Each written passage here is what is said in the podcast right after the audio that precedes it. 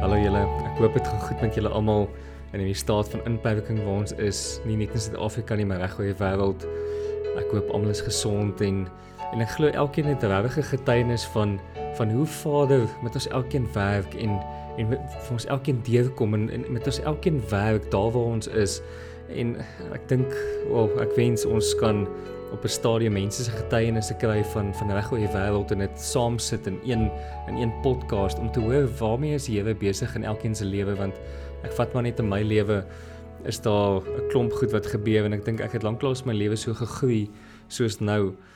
Maar soos wat ek in die rondkrap in die nuus en met mense gesels en en kyk wat in die wêreld aangaan is is mense se monde baie groot oop en, en almal het 'n opinie en almal praat en en almal praat oor 'n klomp goed en ek praat nie eers van die van net jy weet mense uit uit die liggaam van Christus uit nie. Ek meen ek praat van mense uit die uit die wêreld uit die sogenaamde sekulêre wêreld maar wat my pla is dat en ek het 'n skrif hier wat ek wil lees en dit is ook eintlik my vraag dat mense in die liggaam het 'n klomp goed te sê en dit voel vir my dat bitter min mense doen die moeite om by die Here te gaan te gaan luister en by die en by Vader se voete te gaan sit en te gaan hoor maar wat gaan aan? Waarmee is ons besig? Wat gaan aan in die wêreld? En die vraag wat wat ek het kom hier uit Matteus 24 vers 10 uit van van 10 tot 14 en ek gaan dit in die amplified lees. And then many will be offended and repelled and will begin to distrust and and desert him whom they ought to trust and to obey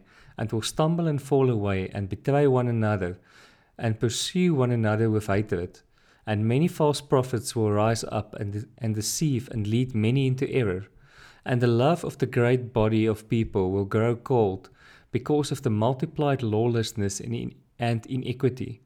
But he who endures to the end will be saved. And this good news of the kingdom, the gospel, will be preached throughout the world for, throughout the whole world as a testimony to all the nations, and then will come the end.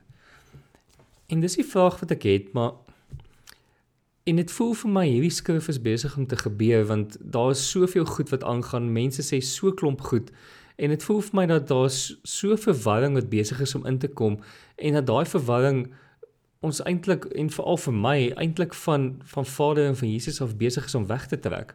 Hoe soek ons dan die waarheid in in hierdie verwarring? Hoe identifiseer ons die waarheid en en hoe hou ons onsself gegrond sodat ons nie verstrik raak in hierdie in hierdie verwarring en dat ons self mislei word en dat ons en dat ons eie liefde soos wat die woord ons waarsku koud word en dat ons afvallig word nie. So baie mense wat nou vra daar is soveel leringe en soveel opinies en soveel videoklips en persepsies wat oorgaan en uh rondgaan en wat is die waarheid en wat nie. En veral waar 'n mens leer na leringe kyk soos ehm um, Dani Botha wat ek persoonlik dink sy navorsing is uitstekend en dan kom daar geleerde teoloë wat alles wat hy sê uitmekaar uittrek. Waar plaas dit vir my en vir jou? En dan gaan ons terug na hierdie uh dit wat ek verlede keer gesê het dat ek en jy het 'n verantwoordelikheid om self die wo die woord van God te ken uh wat vir my net wonderlik is julle is dat ek en jy hoef nie geleerdheid te hê om God se stem te hoor en sy woord te aanvaar nie. Ek het in die proses van waar ek die voorreg gehad het om wel ehm um, sekere grade en kwalifikasies te kry, kan ek vir julle sê hoe meer ek my verdiep in die woord, hoe meer weet ek, hoe min ek weet. En daar het ek die Heilige Gees in die woord van God om vir my die openbaringe te gee wat nodig is. Ek wil hê ons moet net gaan na 1 Korintiërs ehm um, 1 toe wat Paulus geskryf het vir die ehm um, Korintiërs. En kom ons kyk net 'n bietjie na hierdie woord en ek lees vir ons uit die Amplified. So that in him in every respect you were enriched in full power and readiness of speech to speak of your faith complete knowledge and illumination to give you full insight in this, its meaning. In this way, our witnessing concerning Christ the Messiah was so confirmed and established and made sure in you that you are not consciously falling behind or lacking in any special spiritual endowment of a Christian grace, the reception of which is due to the power and divine grace operating in our souls by the Holy Spirit, while you wait and watch constantly, living in hope for the coming of our Lord Jesus Christ and He's being made visible to all. And He will establish, establish you to the end, keep you steadfast, give you strength, guarantee your vindication. He will be your warrant against all accusation and indictment, so that you will be guiltless and irreproachable in the day of our Lord, the Messiah, Jesus Christ. God is faithful, reliable, uh, reliable, trustworthy, and therefore ever true to his promise, and he can be depended on. By him, you were called into companionship and participation with his Son, Jesus Christ our Lord. Hier kom die Here en hy gee sê vir ons, hy het vir ons alles gegee wat ek en jy nodig het. Ons hoef nie geleerdheid te hê of na mense toe te hardloop nie. Ons het die Heilige Gees van God. Hy sê ons kan hom vertrou. Hy is getrou en hy is daar as ons companion. Dit beteken hy is die een wat saam met jou elke tree in jou lewe wil gee, elke vraag wil antwoord en vir jou die woord van God op uh, oopbreek. Ek wil verder lees. For it is written, I will baffle and render useless and destroy the learning of the learned and the philosophy of the philosophers and the cleverness of the clever and the discernment of the discerning. I will frustrate and null nullify them and bring them to nothing. Jesaja 29 vers 14. Where is the wise man, the philosopher? Where is the scribe, the scholar? Where is the investigator, the uh, debater of this present age and time? Has not God shown up the nonsense and the folly of this world's wisdom? For when the world, with all its earthly wisdom, failed to perceive and recognize and know God by means of its own philosophy, God, in His wisdom, was pleased through the foolishness of preaching salvation, procured by uh, Christ, and to be and to be had through Him, to save those who believed, who clung to and trusted in and relied on Him. Hier gaan dit nie oor die kennis nie, Here. Hier gaan dit nie oor die geleerdheid van mense nie, maar hier gaan dit glo jy Jesus Christus en hou jy vas aan wat hy vir jou gekry het op Golgotha. Dan gaan Paulus verder en hy sê this is because the foolish thing that has its source in God is wiser than men and the weak thing that springs from God is stronger than man. For simply consider your own call, brethren. Not many of you were considered to be wise according to human estimates and standards. Not many influential and powerful. Not many high and noble birth.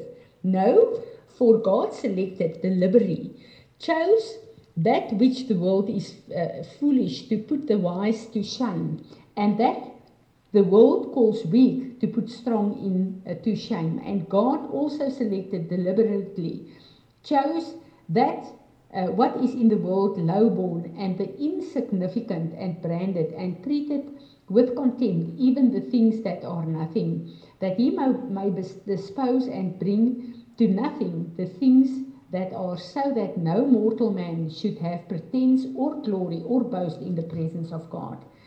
Hier kom die Here en hy sê vir ons baie duidelik, maak nie saak of jy uit 'n fisiese koningshuis kom of jy 'n uh, uh ryk is of jy arm is of jy geleerd is of jy nie geletterdheid het nie. Maak nie saak wie jy is nie. Niks in hierdie wêreld wat sê jy is wys, kwalifiseer jou vir wysheid voor God nie. En dit wat die wêreld dink is dom en ongeletterd, is wysheid by God. Maar die geleerde mense en dis waar ons inkom by baie teoloë wat so teologies korrek is en dat hulle hulle persepsies en hulle leerstellings eintlik meer aanbid en as die waarheid vat as die woord van God wat deur sy gees vir ons as ongeletterde mense selfs oopbreek en vir ons kom leer. So ek en jy het nie nodig om rondgegooi te word deur al hierdie uh filosofieë, al die leringe, al die uh opinies en persepsies van vandag nie. Ons het die woord van God wat ons sal en wil uh vrymaak van alle misleiding en verwarring. So ek wil julle aanmoedig ons verhouding met die Here. Ons ondersoek van die woord, ons lees van die woord onder leiding van die Heilige Gees is wat ons moet toerus in hierdie dae en ons moet beskerm teen teen elke plek van misleiding. Amen. Kom ek bid vir ons.